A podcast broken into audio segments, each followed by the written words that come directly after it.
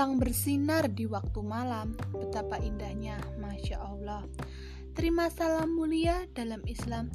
Assalamualaikum warahmatullahi wabarakatuh. Selamat malam semuanya. Bagaimana kabarnya? Semoga selalu dalam keadaan sehat ya.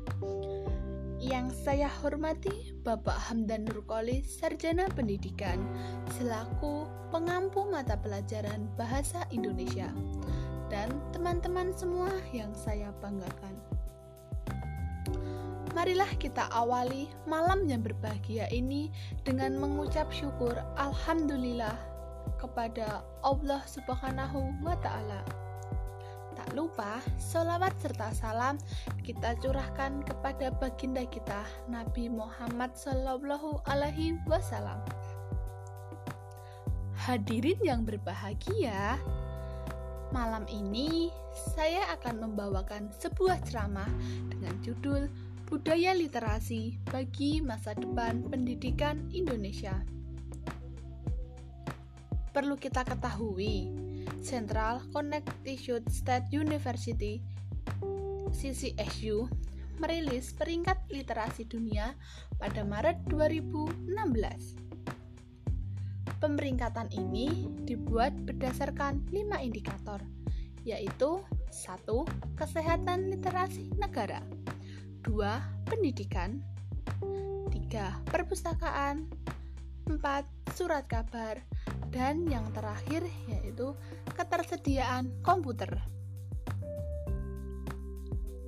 Negara tercinta kita, Indonesia, menempati peringkat ke-60 dari 61 negara. Indonesia masih unggul dari negara Botswana yang berada di peringkat terakhir. Sedangkan negara yang menempati peringkat pertama adalah Finlandia lalu disusul Norwegia dan Islandia. Tentunya hal ini sangat memprihatinkan bukan? Hadirin yang berbahagia, berdirinya saya di sini adalah mengajak para hadirin untuk memupuk minat membaca dan membudayakan serta memperkaya literasi, terutama bagi generasi penerus bangsa. Kita semua tahu, buku merupakan jendela dunia, Buku juga merupakan jembatan ilmu. Dengan membaca buku, kita dapat menambah informasi dan pengetahuan yang belum kita ketahui sebelumnya. Bukan hanya itu saja, membaca dapat menambah kosakata-kosakata baru yang dapat kita gunakan saat berkomunikasi dengan orang lain. Namun, patut disayangkan semboyan tersebut hanya dipergunakan sebagai penghias mata. Kenyataannya, minat baca pada kalangan anak masih memiliki tingkat kesadaran yang rendah. Tanpa sadar, sebenarnya membaca itu memiliki banyak sekali manfaat yang tidak dapat disebutkan satu persatu. Dari masalah di atas, banyak sekali solusi yang ditawarkan supaya minat membaca di semua kalangan, terutama kalangan anak, dapat tumbuh dengan baik. Salah satunya yaitu dengan menumbuhkan literasi pada diri sendiri dan lingkungan. Saya memiliki dua cara agar budaya literasi tersebut dapat tumbuh pada diri kita masing-masing dan lingkungan kita terutama di rumah kita sendiri. Cara pertama ini dibagi menjadi tiga tahap, yaitu pertama, hal yang perlu Anda lakukan adalah membeli beberapa buku yang Anda suka. Kedua, buatlah perpustakaan mini atau susunan rak kecil lalu isi dengan beberapa buku. Ketiga, buatlah diri Anda senyaman mungkin saat membaca. Nah, itu merupakan cara pertama.